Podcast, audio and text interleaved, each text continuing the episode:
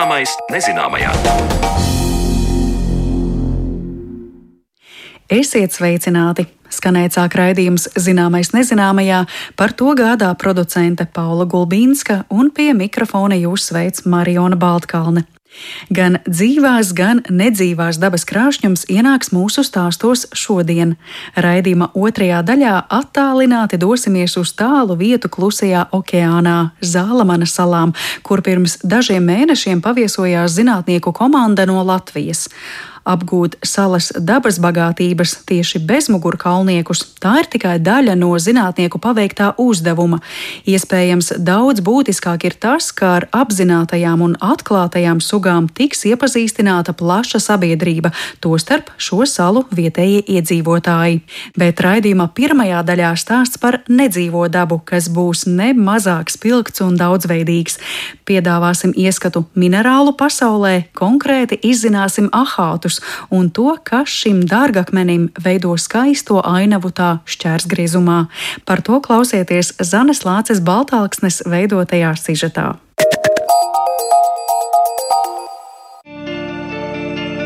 Vieni no izplatītākajiem minerāliem ir ahāti, kas ir atrodami galvenokārt vulkāniskajos iežos.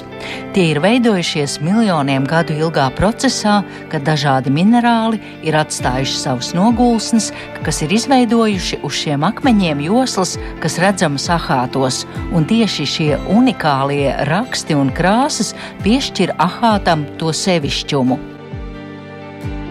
Vārdu šim akmenim saskaņā ar vairākiem informācijas avotiem ir devis sengrieķu filozofs un dabas zinātnieks Teofrasts, kurš savulaik ir uzgājis šo akmeni pie upes Sicīlijā, kuras nosaukums sengrieķu valodā ir bijis Ahate.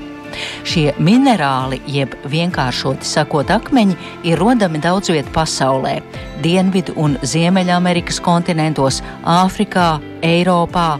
Tiesa, Latvijā šis akmens ir aplūkojams muzejos un kolekcijās vai ir iestrādāts rotas lietās, jo pieder pie plaši izplatītiem pusdārgakmeņiem. Alūksnē, privātajā dabas muzejā Vides labirints var aplūkot pastāvīgo ekspozīciju ar ahātiem, kuros ir redzami dabas veidoti ornamenti un ahātu paraugi no dažādām pasaules vietām. Kāpēc ekspozīcijas nosaukums ir Ahāti dabas varenības spogulis, to skaidro muzeja vadītājs un vides zinātnieks Aldis Werners. Skatoties uz ahātiem, mums arī domās radās šis stenda nosaukums. Jā, jo tiešām mēs šajās ahātu glezniņās, jeb dabas veidotājos mākslas darbos, saskatām dabas varenību.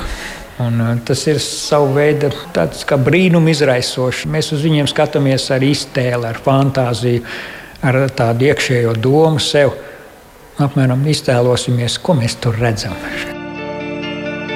Runa ir par ahātiem, kuru krāšņums atklājas tad, kad akmens ir pārdalīts un tā šķērsgriezumā var ieraudzīt dažādu krāsu joslas, ko dabā ir veidojuši dažādu minerālu sakopojumi un konkrēta akmens ķīmiskais sastāvs. Tās ir kā akvarelī darinātas ainas, kurās ir redzams dabas veidotais krāšņums un vienreizība. Vairāk par ahātiem stāsta Aldis Werners. Ahāds ir minerāls, slēpta kristāliskā kvarca varietāte, ko nu, zinātnē sauc par halcedonu. Un krāsains un joslains halcedons tiek dēvēts par ahātu. Bet vai tas ir, kā saka, cilvēks ir pārgriezis kādu jā. instrumentu šķērsgriezumā? Jā, jā nu, lielākoties āhāts ir lielāks vai mazāks, tāds vai šitāds akmens, jā, kā tautā saka. Un, uh, mēs jau no ārpuses ļoti reti, kad redzam tos rakstus, mēs vispār viņus neredzam, izņemot tos āhāts, kas ir ilgus gadus ripinājušies pa kalnu upi, un kuriem tā ārpus viss ir nost. Ja, tad jau mēs redzam tos rakstīņus, kas viņos iekšā. Lielākais noslēpums jau atverās, atrodot ahātu. Viņš tiek pārzāģēts ar dimanta zāģi. Tad atverās šis noslēpums, tā bilde, kas ir viņos iekšā. Redziet, ir jau tā, ka nu, teiksim, tā, katrs ahāts ir unikāls. Tāda bildīte viņš ir viens pasaulē.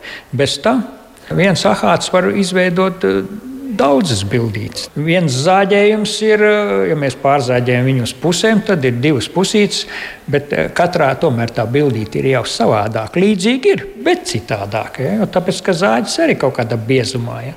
Nu, mēs nozāģējam vēl vienu plāksnīti no tās virsā, iegūstam atkal divas citādākas bildītes. Brazīlijas ahāts jūra naktī. Tas atgādina mākslinieka veidotus akvareļus, bet šajā gadījumā tas mākslinieks ir pati daba. Un, jā, es redzu tumšas debesis, reku tur mēnesis spīd, un, un, un lejā tādi bangaini, tumši ūdens viļņi. Jūs cik daudz šajos ahātos, eh, uz kuriem mēs tagad skatāmies, ir eh, cilvēka roku darbs? Nu, lielākoties jau ir visi viņi ir Nu, akmens tiek pārzāģēts pusēm, bet tālāk. Tagad jau tās, neģē, tās zāģēšanas eh, tehnikas arī attīstās, ja, un jo gludāks, jo kvalitatīvāks zāģis, jo gludāks zāģējums, jo mazāk darba pulēšanai. Ja.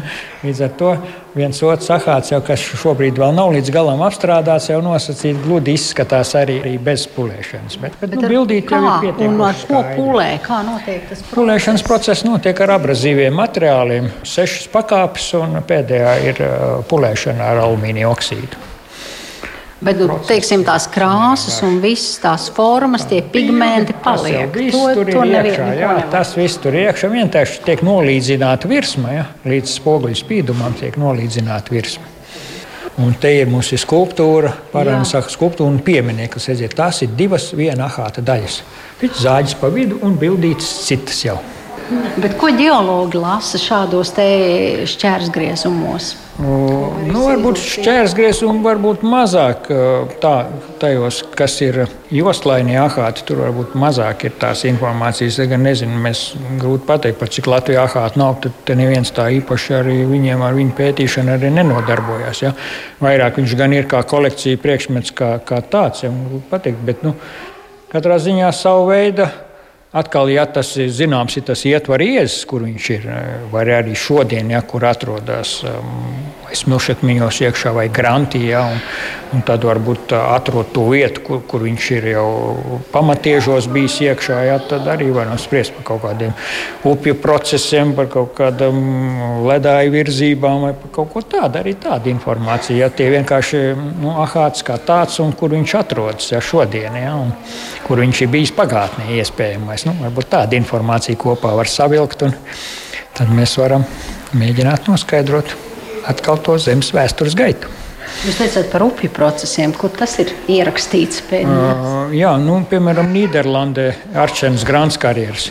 Tā grāns slānis tur veidojies no seno upju plūšanas rezultātā. Ja? Tas ir milzīgs, var sakot, liels upes alūvijas kur ir viss samests smilts ar akmeņiem kopā. Ja? Un starp dažādiem akmeņiem ir arī ahāti, bet tie ahāti tur ir ļoti daudzveidīgi tajā karjerā. Un tagad, tālāk skatoties, nu, tur jau ir atrasti, ja, kad viņi ir eh, no plašas, gandrīz no puses Eiropas. Tā strauma ir sanesusi šos ahātus no dažādām izcelsmes vietām. Ahāts ir pieejams dažādās krāsās, tostarp baltā, pelēkā, zilā, zaļā, sarkanā, brūnā un arī melnā.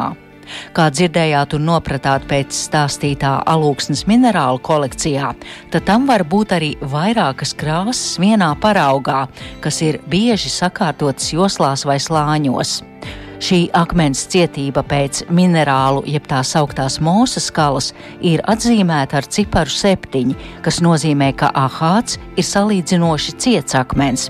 Piebildīšu, ka cietākais šajā skalā ir dimants ar numuru desmit. Runājot par rekordahātiem, tāds tika reģistrēts 2009. gadā Ķīnā, un tā svars bija pāri par 61 kg.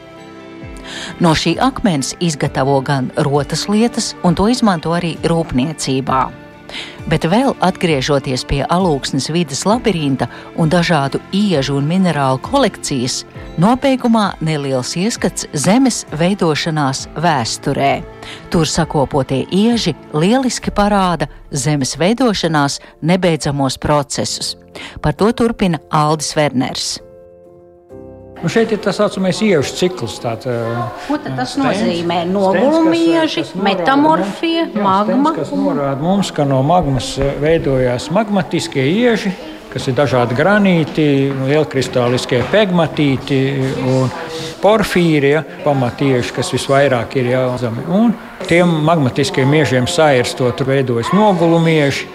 Pēc tam tektonisko plātņu kustības rezultātā nogulumiešu slāņi var nonākt atpakaļ atkal pazemē, kur viņi tiek saspiesti, pārkausēti, minerāli pārgrupējās, veidojās tā saucamie metamorfija ieži. No smilšakmeņiem veidojās kvarcīti, no māliem radās kristāliskie slānekļi. Un tālāk aiziet, ja? un atkal savukārt atkal metamorfija ieža atkal var, kā saka, izkust magmā. Un atkal tas iešu cikls notiek, kā geologs saka, viņam nav ne sākuma, ne beigu. Viņš notiek kā zeme radās, tā viņš notiek arī šodien un notiks, kamēr zeme pastāvēs.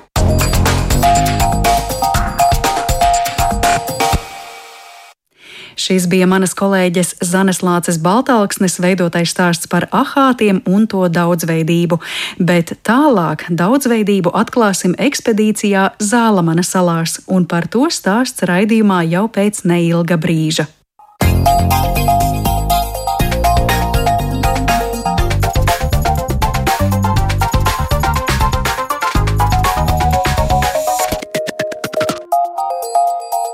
Zināmais nezināmajā.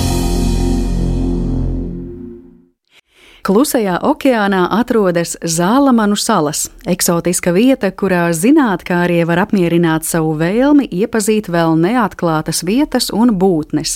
Tur viesojušies arī entomologi no Latvijas, kas piedzīvots tālajās Zālamanu salās un kādus uzdevumus tur paveikuši mūsu zinātnieki. Par to saruna raidījuma tālākajās minūtēs, un šoreiz mūsu attālinātajā studijā mēs satiekamies ar bioloģijas zinātņu doktoru entomologu Dmitriju Teļnovu. Labdien, Dmitrij! Labrīt, radio klausītāji! Labrīt! Es domāju, ka mums vispirms būtu vērtīgi tādā attālinātā veidā iespraust spraudīti pasaules kartē vai globusā un pastāstīt, kur īsti atrodas Zālamanu salas, cik tālu tas ir un kā jūs tur nokļuvāt. Jā, Zalamānas salas ir viena no tām pasaules valstīm, kuru dažādu iemeslu dēļ apmeklē ļoti neliels skaits ārzemju viesu, gan turistu, gan tādu, kas darba nolūkā tur ierodās. Un, protams, daudziem nav zināms, kur tas Zalamānas salas tad īsti ir.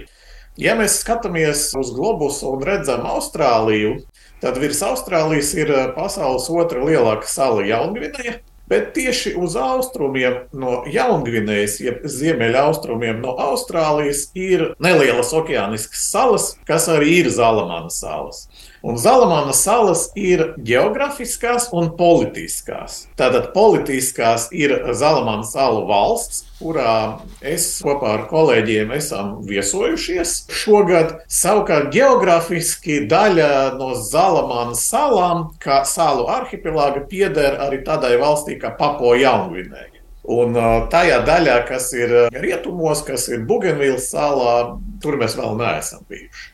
Tātad, ja mēs tā geogrāfiski skatāmies, tas ir gandrīz uz ekvatora, klusā okeāna rietumu daļā, tā nu, relatīvi netālu no Austrālijas un ļoti, ļoti tālu no Latvijas. Jā, tad izstāstiet, kāds bija jūsu nokļūšanas ceļš. Tie ir vairāki lidojumi, ar kuģi varbūt pat došanās vai citiem transporta līdzekļiem. Jā, nu, viens ir tikt eh, līdz valstī, otrs ir tikt līdz pētījuma vietām.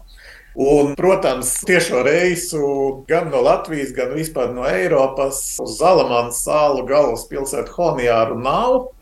Un diez vai kādreiz būs, jo valsts ir salīdzinoši neliela un pilsēta ir pavisam maziņa. Un, protams, tāda došanās no Latvijas eh, vai no Eiropas uz Zalamanas salām aizņem ilgu laiku. Tad mūsu gadījumā tas bijušas divas pilnas eh, diennaktis, tā var teikt. Un pārsēšanās ir bijušas viens, divi, trīs.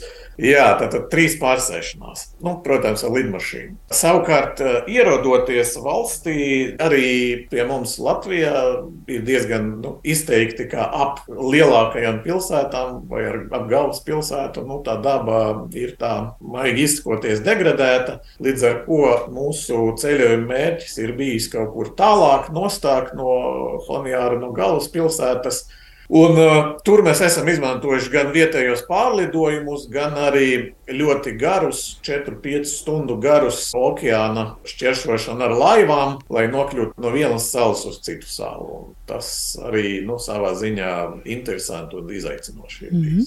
Izklausās pēc īstas ekspedīcijas, kā parasti mēdz rādīt mākslas filmās. Dmitrij, jūs jau ieskicējāt šo salu tādu nu, visai neparasto struktūru, ja tā politiskā daļa un tad vēl salu tāds paplašinājums, tā geogrāfiskā daļa, ko Zālamanu salas tad vēl dala kopā ar eh, citu teritoriju, citu valsti. Bet, ja mēs runājam par to tieši, kur jūs uzturējāties un kur jūs guvāt eh, pieredzi, Kāda tad tur ir tā sadzīve, daba, apstākļi, cik daudz šī vieta ir pētīta? Jā, vispirms klausītājiem man jāizstāsta, kas tad ir tas Zalamana salas. Tad politiskā Zalamana salas, jeb valsts republika, tad sastāv no aptuveni tūkstotis dažādu izmēru salām, no kurām ir sešas salīdzinoši lielas, un pārējās ir pavisam maziņas, kā tādas klintis vai atoli. Valstī dzīvo aptuveni 750 tūkstoši cilvēku tikai, tātad vēl mazāk nekā mūsu valstī. Gandrīz visi ir melanēzieši, un tas, protams, kā tā ir reģiona raksturīgi, vēsturiski, tad, tad uh, vairākas ciltis dala tas salas, gan uz vienas salas vairākas ciltis dzīvo un runā savās valodās un sadzīvo savā starpā. Lielākās salas, ko es minēju, tas sešas, nu, ko nozīmē lielākās salas, tad uh, lielākā sala ir aptuveni 5000 km2 liela.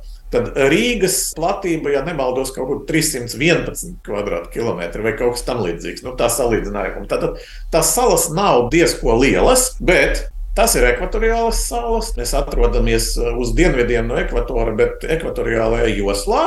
Tātad ar bagātīgu lietus mežu, klātas, Un atsevišķas salas ir kalnainas, un tie kalni ir gan augsti, līdz pat 3000 metru augstumā.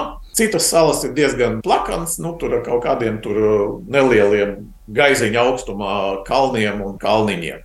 Izcelsme Zalamanas salām arī ir dažāda. Daļa no tām ir vulkāniskas, tad, tad klusa okeāna vulkāniskās joslas atrodas ar aktīviem vulkāniem, un citas ir korāļu izcelsme, tad proti vēsturiski celoties, nu, tā var teikt, jūras dibenam augšā, ja tur uz, uz geogrāfisko platformu kontaktu vietas, tad veidojas citas salas.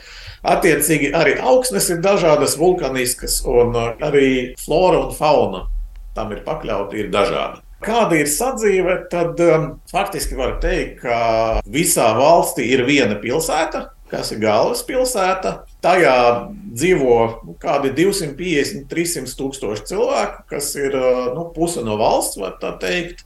Un uh, šajā pilsētā ir pa lielam viena gara iela, kas iet gar jūras krastu no austrumiem uz rietumiem. Tā aptuveni tas izskatās. Pārējās salās ir uh, mazpilsētiņas, nu, pavisam, pavisam mazpilsētiņas arī Latvijas izpratnē. Bet uh, lielākā daļa iedzīvotāju, vai vismaz puse valsts iedzīvotāju, dzīvo tradicionālajos ciematos uh, gar jūras piekrasta, tad no koka vai bambusa būvētajās uh, mājās. Un, protams, viņu sapnis, šo cilvēku visu sapnis kādreiz ir pabūt sava megapola Honijā. Mm. Atcaucoties uz to, ko teicāt par lietus mežiem, tad es tā stādos priekšā tādas sulīgas, auglīgas teritorijas ar bagātu bioloģisko daudzveidību. Tā varētu teikt. Jā, protams, tādēļ arī esam tur bijuši. Tādēļ arī esam izvēlējušies šo teritoriju. Jo lietus mežos, kā zināms, visaugstākā bioloģiska daudzveidība uz mūsu planētas. Un šīs reģionas, tad, tad Zalamānas salas, ir ļoti, ļoti nepilnīgi izpētīta. Tad kaut kādus pētījumus Zalamānas salas veica koloniālajos laikos. Zalamānas salas piederēja Brītu impēriju savu laiku.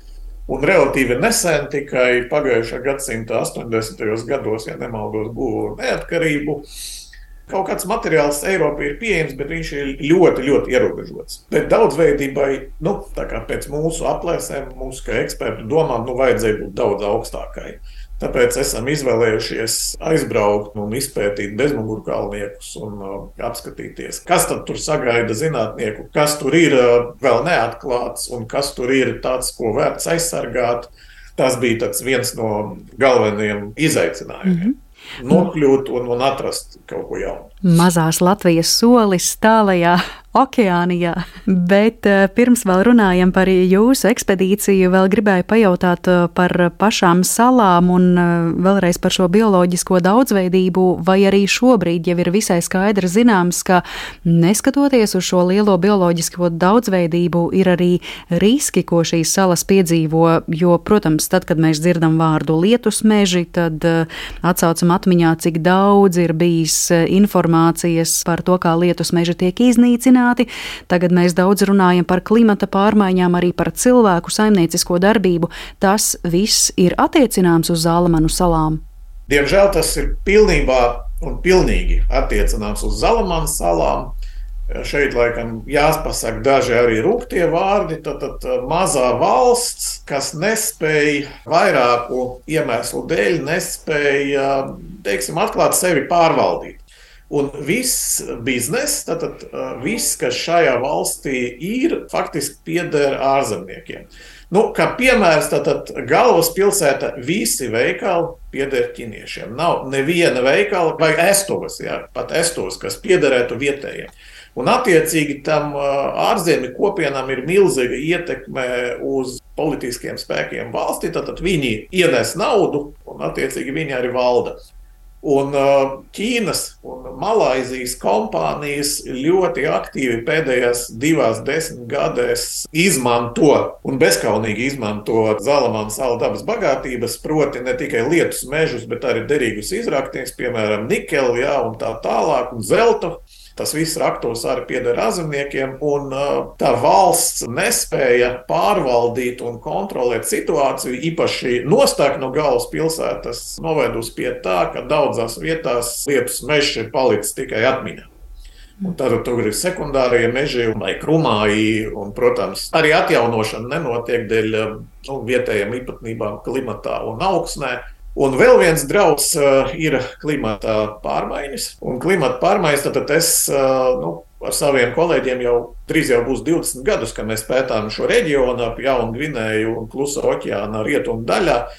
Un, uh, ko mēs esam uh, pamanījuši par šīm divām desmitgadēm, ka, ja kādreiz nu, atveram grāmatas un lasām, tad, tad slāpja sezona, jeb lietus sezona ir tāda un tāda mēnesi, tur sausa sezona, kad līst rētāk ir tāda un tāda. Bet tagad, ierodoties reģionā, arī Zalamānas salās, un sekojot tam gudrajam grāmatām, kur ir aprakstīts, ka tagad ir labāka sezona, kad jābūt aktīviem kukaiņiem, tagad jābūt lietu un tur 3-4 reizes dienā, tad dabai tur, kas saka, aktīvi jāvairojas un tā tālāk.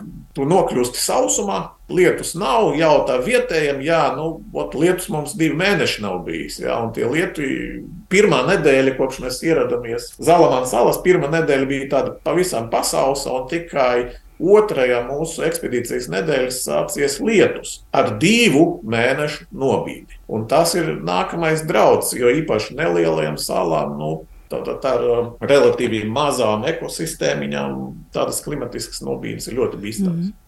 Zinot visu šo situāciju jau iepriekš, un, protams, par to pārliecinoties arī klātienē, kāds tad bija jūsu galvenais ekspedīcijas mērķis pārliecināties, kāda šī situācija klimatiskā vides apstākļu Zālamanu salās ir, vai tiešām kaut ko ievākt, kaut ko jaunu atklāt, pastāstiet, ar kādu mērķi devāties. Jā, te jāpasaka pie šī jautājuma, ka Zalamānas salās, kā nelielā salīdzinoši jaunā un uh, relatīvi nu, nabadzīgai valstī nav faktiski savu biologu, tā var teikt, savu zinātnieku. Viņi ir, bet ļoti, ļoti nelielā skaitā. Entomologu nav vispār.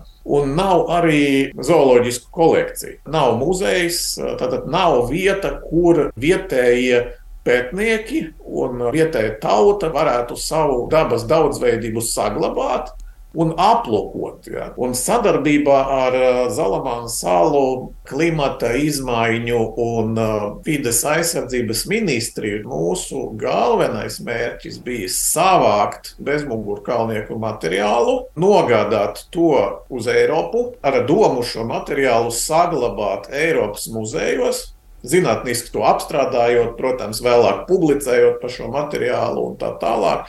Bet galvenais mērķis tad ir vispār savākt un saglabāt Zalamanas salas bioloģisko daudzveidību, lai tā būtu nākotnē pieejama pētniekiem visā pasaulē, ieskaitot uh, pašu Zalamanas salu iedzīvotājus, gan studentus, gan pētniekus, gan jebkuru interesantu. Jo Eiropas muzejos tas materiāls saglabāsies un būs pieejams gadiem simtus, es ļoti ceru. Un vienlaikus te jāapzinās, ka saglabājot uh, muzeja kādu tur vaboles vai spāras eksemplāru, tiek saglabāts arī unikāls ģenetisks materiāls. Protams, tajā eksemplārā ir DNS, ja, un tā DNS teorētiski ļauj mums vai ļaus kaut kādā tuvā nākotnē veikt kaut kādas manuālas darbības gadījumā, ja dabā, dabiskā vidē šī suga izzūd, iznīkt. Tad mēģināt ar genetiskajām modernām metodēm arī kādreiz varbūt šo sugu atjaunot. Un tas ir arī viens ļoti būtisks moments. Tātad ne tikai saglabāt eksemplāru kā tādu, bet arī saglabāt eh, ģenetisko bāzi Zalamānas salas uh, daudzveidībai. Mm. Es jūsos klausoties, vispār tā domāju, ka tas ir krietni, krietni plašāks stāsts nekā tikai aizbraukt un ievākt šīs sugas, jo pirmkārt tā jau ir arī attiecību veidošana, kontaktu veidošana ar šo Zalamanu salu institūciju, ja, kur doties, kur ievākt, kā uzturēt šos kontaktus eh, vēlāk, pēc tam arī, teiksim tā, turēt rūpi par tām ievākt ievāktajām sugām būt uh, lietas kursā par to ģenētisko materiālu. Tā kā es jūtu, tas jūsu darbs neapstājas un neapstājas jau ne tikai tādā ziņā, ka jūs turpināsiet uh, aprakstīt, ko jūs savācāt, bet arī tādā tiešām rūpju uzņemšanās veidā par to, kas notiek Zālamanu salās, vai ne? Nu, tieši tā arī ir, jo mūsu valsts, Latvijas mērķis jau bija iestāties uh, pasaules bagātāko valstu klubiņā.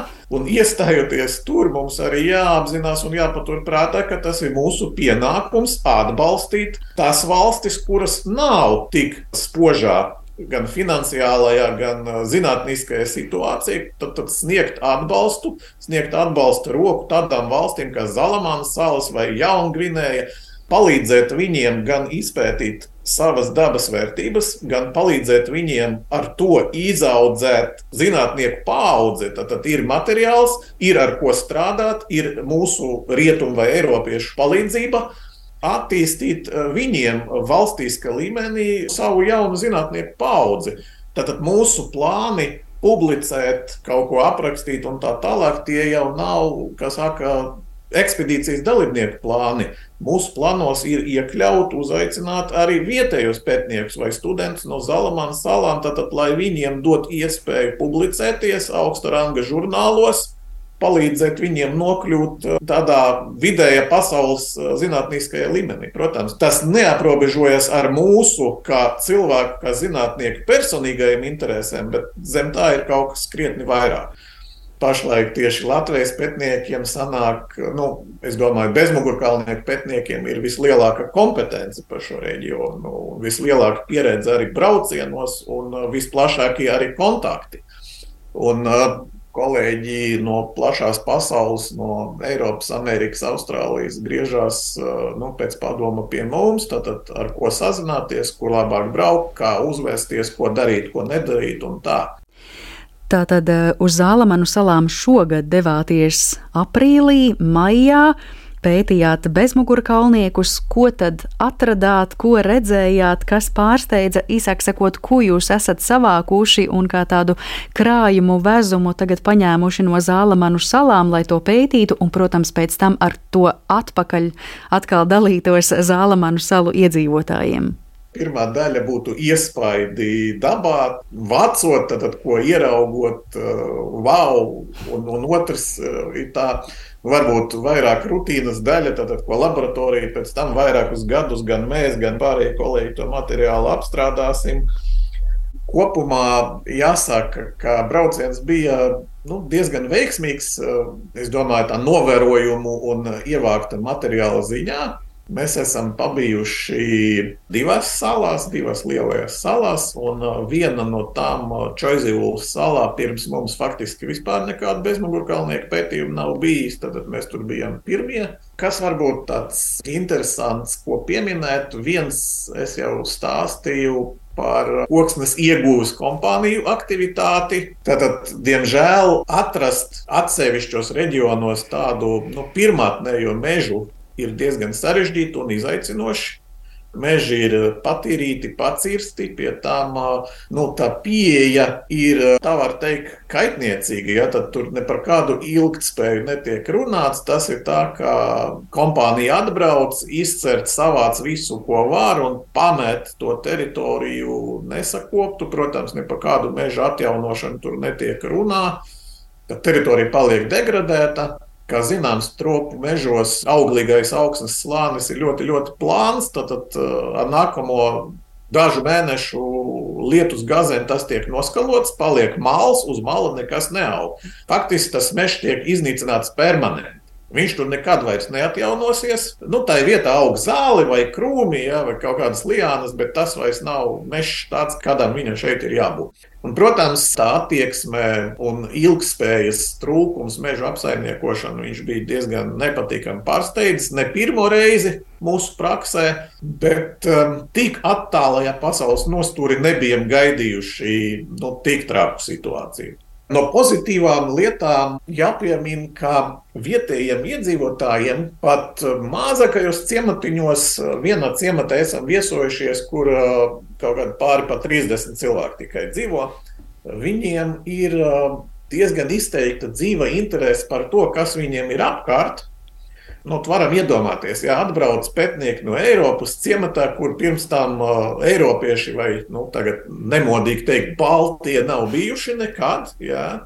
Kaut ko tur staigā, kaut ko nesaprotamu dara. Bet vietēji pienāk un paprasa, lūdzu, atsūtiet mums informāciju par to, ko jūs te esat atraduši. Jo mēs vēlamies zināt, kā sauc šos gliemežus, kurus mēs lietojam pārtikā, vai kā sauc tās vaboles, ko mēs tur redzam savā papāju dārzā. Lūdzu, atsūtiet mums informāciju. Un Šī maza ciemata iedzīvotāji, tā ir runāja par konkrētu vietu, tagad viņiem ir izdevies saglabāt apkārt savam ciematam pirmotnējo mežu. Savukārt, vienu kilometru nostāk no šī ciema mežs jau ir izcirsts. Tā ir tāda attieksme, uzslavas vērta attieksme būtu arī Latvija pie mums. Es tieši par šo arī gribēju jautāt, kā vietējie tās savas vajadzības vēlmes salāgo. No vienas puses ir šie stāsti, ko jūs minat, ka cilvēki grib uzzināt, pastāstiet, atsūtiet, ko jūs te atklājāt. No otras puses ir vajadzīgas arī lauksaimniecības zemes. Kā jūs novērojat, kā cilvēki izšķiras par to, kas viņiem ir svarīgs? Jā, es domāju, tā sabalansēšana ir ļoti svarīga. Viens ir tas, kas mums ir ikdiena nepieciešams, un otrs ir tas, ko mēs varam saukt par vieglu naudu, kas ātri atnāk un tikpat ātri, ja ne vēl ātrāk pazūd. Tātad, ja konkrēts ciems, konkrēta cilts spēj kopīgi pieņemt lēmumu, izmantot to savu zemi, a zemi pieder, protams, ciltī, ja tur valstī pieder diezgan maz kas, ja tikai ap galvaspilsētu, bet pārējie zeme pieder tradicionāli ciematiem un ciltīm. Tātad nepadoties to mežstrādes kompāniju uzaicinājumiem vai saukļiem, un vairāk padomāt par to, ko viņi varētu iegūt, izmantojot šo zemi ilgspējīgi, tā ka viņu senči ir izmantojuši. Protams, viņi cert kokus, viņiem vajag koksni gan kurināmajā, gan savu mājokli tur būvē un tā tālāk. Bet Viņi to dara domājot par nākotni, proti, neiznīcinot pat tīro, bet nu, paņemot tik, cik nepieciešams. Un tā līdzīgi ir arī ar dārziem. Nu, protams, var uztaisīt milzīgu dārzu, ja, izcert mežu un pēc tam mēģināt eh, kādam notirgot eh, augļus, kas tur izauguši. Bet var taisīt tādus darbus, kurus nu, pietiek 35 cilvēkiem un uh, attiecīgi saglabāt to apkārtni. Un tas ir ļoti atkarīgs. Es domāju, arī pie mums to ļoti labi redz, kā cilvēki rīkojas ar saviem īpašumiem. Vienam pieder mežs, uh, viņš to pārdod, nopērk dārgu autiņu. Citam pieder mežs, viņš to apsaimnieko ilgspējīgi. Paņem tad, kad var, un tik daudz, cik var. Mm. Arī tur ir līdzīgi. Dmitrija, atgriežoties pie tā jautājuma par jūsu atklājumiem un atradumiem un pārsteigumiem, pārsteiguma momentu jau iezīmējāt par to mežu situāciju, bet tad par to praktisko pusi un par to, kas eh, būs saistīts ar jūsu tālāko rutīnas darbu, nu kas tad bija tie jūsu atklātie, atrastie bezmugurkalnieki, kādi kukaiņi, vabole, sodi un tā tālāk. Varbūt varat padalīties. Jā, noteikti, noteikti un ļoti labprāt. Protams, lielākā daļa materiāla vēl nav caurskatīta, nav samontēties. Tas, ko es, piemēram, es personīgi pēdējo pāris mēnešu laikā vien daru, jā, ka sēžu un to materiālu šķiroju un montēju. Tā salīdzinoši neliela daļa, ko ir izdevies caurskatīt, ļauj dažus secinājumus izdarīt. Tātad, jā, mums būs arī šoreiz no šīs ekspedīcijas interesanti atklājumi Piemēram, pabolēm būs uh, gan zinātnē jaunas sugas, uh, vairākas, piemēram, koksngraužu dzimtā. Tādas jau ir, uh, nu, jau var teikt, apzinātas. Vēl, protams, nav zinātniski aprakstīts, nav kristīts, tik ātri tas nenotiek. Bet, Bet būs no vaboliem ļoti interesanti atradumi. Būs ložņu vaboļu dzimtā, kurā, piemēram, Čoizijūlu salai vispār nebija zināma pirms mūsu brauciena. Arī no ložņvaboļu dzimtas mums būs vairāk zinātnē jaunas sugas. Ir arī pamatots aizdomas, ka būs zinātnē jaunas spāru sugas, arī gliemežu sugas varētu būt. Materiāls ir diezgan bagātīgs, diezgan interesants. Tagad ir um, iestājies tas rutīnas darbs, tad cik ātri mēs esam spējīgi no šīs daudzveidības, ko mēs esam uz Eiropu līdzi atveduši, izlasīt, apstrādāt, nodot pārējiem kolēģiem un savākt uh, datus, eh, ko nopublicēt. Tad, kad jūs sakāt, ka zinātnē būs jaunas sugas, tas nozīmē Eiropai pārējai pasaulē vēl neiepazītas tādā ziņā? Tas nozīmē, ka šo sugu neviens nebija ievācis pirms tam, tad noķēris, ieraudzījis. Un eh, neviens to sugu nav noteicis. Viņai nav nosaukuma, viņai jādod zinātniskais nosaukums. Tai sugai nepieciešams zinātniskais apraksts kas nopublicēts zinātniskajā literatūrā, lai to sugu pēc tam varētu nākotnē atšķirt. Nu, līdzīgi kā Homo sapiens, tad, tad cilvēkam ir latviešu nosaukums, jā, tad arī katrai citai būtnei ir jābūt zinātniskajam nosaukumam un uh, aprakstam, tad, tad, ar ko tā suga ir īpatnēja. Mm -hmm. nu jā, te mēs atgriežamies pie stāsta, ka tas līdz šim nav bijis iespējams, jo nav jau to pētnieku tajās zālamanu salās uz vietas. Vai ir arī zināms, kuri būs tie Eiropas muzeji, kur tas viss varētu tālāk nonākt un būt skatāms, pieejams plašai publikai? Jā, noteikti ir zināms. Lielāka daļa materiāla būs pieejama Dabas vēstures muzeja Londonā, kas ir pasaules lielākais dabas muzejs ar lielāku kolekciju. Vispār daļa materiāla paliek Latvijā, Daugavpils Universitātes zinātniskajā kolekcijā un Latvijas Nacionālā dabas muzeja kolekcijā. Nu, kaut kāda daļa materiāla tiks apmainīta ar citiem muzejiem Eiropā, piemēram, minēta Erfurtas dabas muzeja Vācijā, kur strādā kolēģi, kas arī interesējās par šo Melanēzijas reģionu, kuriem arī ir liela kolekcija no turienes. Un kā jūs eh, varat eh, vērtēt pēc visa piedzīvotā? Droši vien jūs atkal kādā brīdī dosieties uz Melanēzijas reģionu. Kas jums bija grūtākais eh, šajā ekspedīcijā? Vai tie bija klimatiskie apstākļi, varbūt kādi saslimšanu riski? Nu, piemēram, ja jums atkal būtu jādodas, ko īpaši būtu jāņem vērā? Droši vien tādas mācības, ko mēs gūstam no katras ekspedīcijas, parasti ir dažādas par Zalamānu salām. Interesants tāds uh, moments ir kopēja tendence. Tātad, jo tālāk, jo nostāk uh, no civilizācijas, uh, ja tā var teikt, tad jo tālāk klusē okeāna salās, jo viss paliek dārgāk. Nu, skaidrs, ka atvest uh, uz tālāku nostūri kaut ko, ko tur neražo, maksā daudz, un jo tālāk tev jāvērt, jo vairāk tas maksā. Un um, droši vien pārsteidza šoreiz cenas. Ja vidējs atalgojums Zalamānas salās varētu būt kaut kur uh, ap 300 uh, eiro vai amerikāņu dolāru mēnesī, tad uh, daudzas preces, arī pārtika, maksā nu, plus mīnus kā Rīgā. Un tas augstas cenas ir, protams, arī degvielai. Protams, augstas cenas ir arī vietējiem pārlidojumiem un attiecīgi pārgrēmot to situāciju, kad uh, valsts ir nabadzīga, cilvēki ir relatīvi nabadzīgi, bet cenas ir augstas, ir diezgan sarežģīti. Un šajā situācijā Katru reizi mēs, Eiropieši, izskatāmies pēc nu, tādiem, negribas teikt, varbūt tādiem ķēniņiem, miljonāriem. Tad, tad, skatoties tīri cilvēcīgi uz cilvēkiem tev apkārt un apzinoties, ok, tu vari nopirkt buļbuļsāļu kolas par vienu eiro, desmit centiem, bet vietējais droši vien to nevar izdarīt. Ja? Un tas ir tāds sarežģīts moments. Tad, um, kā teiksim, ar kādām atļauju iegūšanām, lai tur kaut ko darītu, kaut ko izvestu. Arī, protams, ar jūsu varbūt fizisko pielāgošanos citiem klimatiskajiem apstākļiem, vai arī tas ir bijis sarežģīti? Nu, skaidrs, ka jebkurai zinātniskai ekspedīcijai tie dokumenti, oficiālie papīri ir ļoti svarīgi, jo nu, arī zinātniski materiāli aprīta regulē vairāki starptautiskie akti un konvencijas, ko ratificējušās gandrīz visas pasaules valstis. Un atļauju iegūšana ir eh, laika ietilpīgs un svarīgs moments. Zalamāna salu valdība un uh, ministrijas bija ļoti pretimnākošas. Tad uh, mēs esam dabūjuši visus nepieciešamos dokumentus. Uh, Nepieciešamie dokumenti, tos es varētu uzskaitīt šādi. Pētījuma atļauja nacionālajā līmenī, tātad, lai veiktu pētījumus Zalamānas salās. Pētījuma atļauja no katras administratīvās provinces. Katra liela sala ir sava administratīva province. Tālāk ir pētījuma atļauja no ciema, kur tu vēlies veikt pētījumus. Nu, šī atļauja ir vairāk neformāla, tad, tad tev jāsarunā ar ciema vecāko, lai viņi tevi pieņem un ļauj palikt un, un darīt uh, to, ko tu vēlies darīt.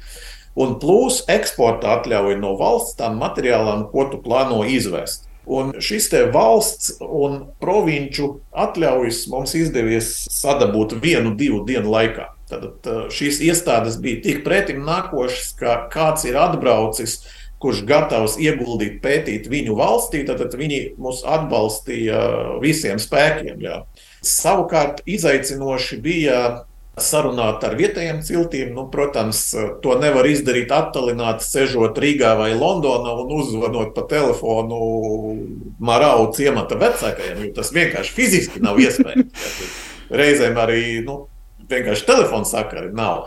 Tātad eh, bija jāmeklē vietējie kontakti, kuriem eh, skaitīt eh, naudu, lai viņi varētu no galvaspilsētas aizbraukt uz ciematu X citā salā, sarunāt, ka tur pēc pusgada atbrauc pētnieku komanda no Eiropas, kuri augsne meklēs vaboles nu, šito paskaidrot, pat nu, ierindas latvietim droši vien nu, tā neuzreiz pieliec, kas tur kāda atbrauc un kāpēc viņš tur manā meža augsne rakņāsies. Bet mēģināt to paskaidrot uh, cilvēkiem uh, kādā mazajā ciemata Čoizivula salā ir diezgan sarežģīti un izaicinoši. Bet mums tas ir izdevies.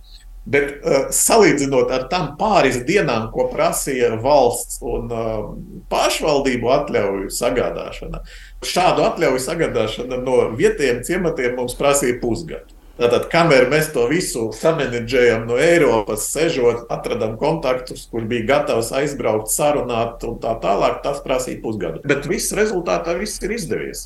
Runājot par klimatu, jā, mhm. klimats ir karsts, klimats ir slapjš. Skatījāmies nesen statistiku, tad aprīlis, maijs vidēja gaisa temperatūra 29 grādi. Tas nozīmē arī panākti 29, ja pa dienu ir nu, attiecīgi vēl karstāk. Ar lietu runājot, šajā geogrāfiskajā reģionā tad, tad tā slapja, jeb lietu sezona nozīmē to, ka līst 3-4 reizes dienā.